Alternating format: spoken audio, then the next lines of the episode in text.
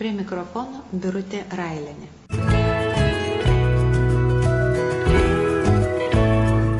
Papasakosiu Jums apie naują leidinį, kurį rengiame spaudai. Šis leidinys skiriamas senojo Vilniaus universiteto profesoriui Andrius Nedeckiui, žymiam chemikui, biologui ir gydytojui atminti. Snedeckis garsėjo kaip chemijos mokymo novatorius, pažangių žinių skleidėjas, gerbiamas ir populiarus Vilniaus gydytojas.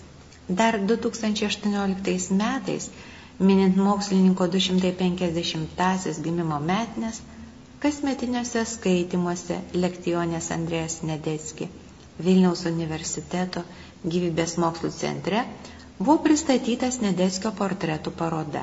Ja parengė mūsų bibliotekos darbuotoja daktarė Neringa Markauskaitė ir Audronė Stasiukaitytė. Neilgai trukus pradėta puoselėti mintis išleisti mokslininko portretų leidinį. Katalogė publikuojami Lietuvos muziejuose ir bibliotekose saugomi Snedeskio portretai. Tarp jų yra išimčių.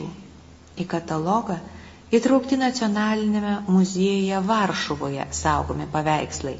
Manoma, Pranciškaus Smuglevičiaus portretas ir nežinomo tapytojo miniatiūra.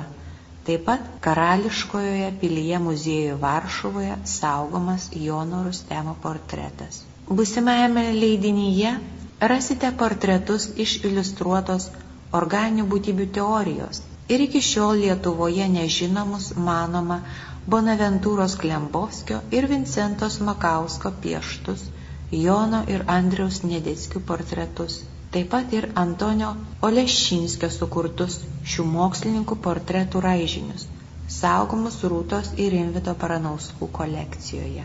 Katalogė greta Andriaus Nedeskio yra skelbiami keli jo brolio Jonos Nedeskio, matematiko ir buvusio Vilniaus universiteto rektoriaus portretai.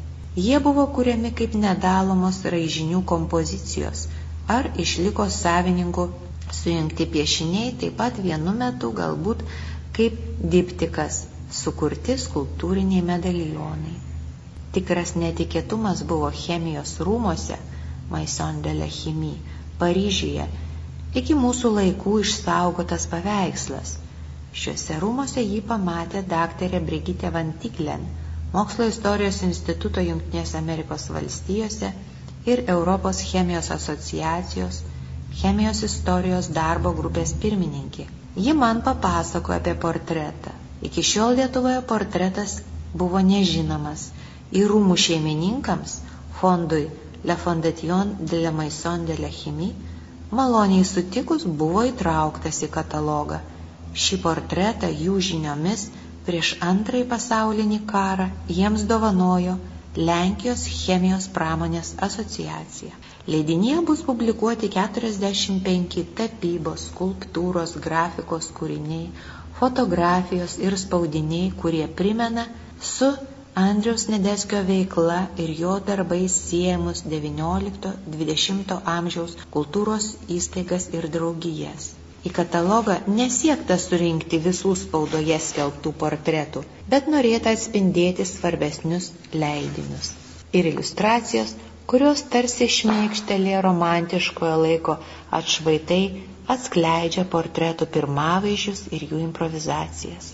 Portretų katalogo ekspozicija pradedama XIX amžiaus tapyba ir skulptūra, taip pat grafikos kūriniais ir spaudinių iliustracijomis.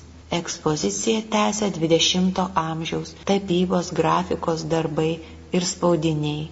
Ji užbaigiama Vilniaus universiteto mažosios aulos galerija, tebesančius Nedeckio skulptūriniu biustu. Leidinyje bus paskelbti du straipsniai Birutės Railinės apie Snedeckio gyvenimą ir akademinę veiklą ir Neringos Markauskaitės apie Snedeckio portretų ikonografiją, kurią ji aptarė kaip tapybos, skulptūros ir grafikos kūrinių, knygų, iliustracijų raišką.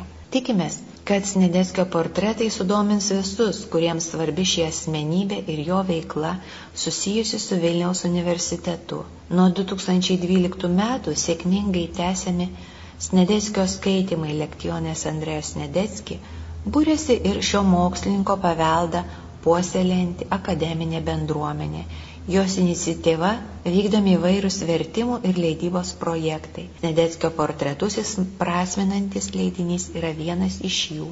Leidinys bus kelbiamas anglų ir lietuvių kalbomis. Leidinio išleidimą iš dalies finansavo Lietuvos kultūros taryba. Rėmėjai Rimvidas Baranauskas ir bendrovė Thermo Fisher Scientific Lietuva. Stebėdami epideminę situaciją nuogastaujame, kad negalėsime surenkti knygos sutiktuvių renginio lekcionės Andrėjas Nedėski metu.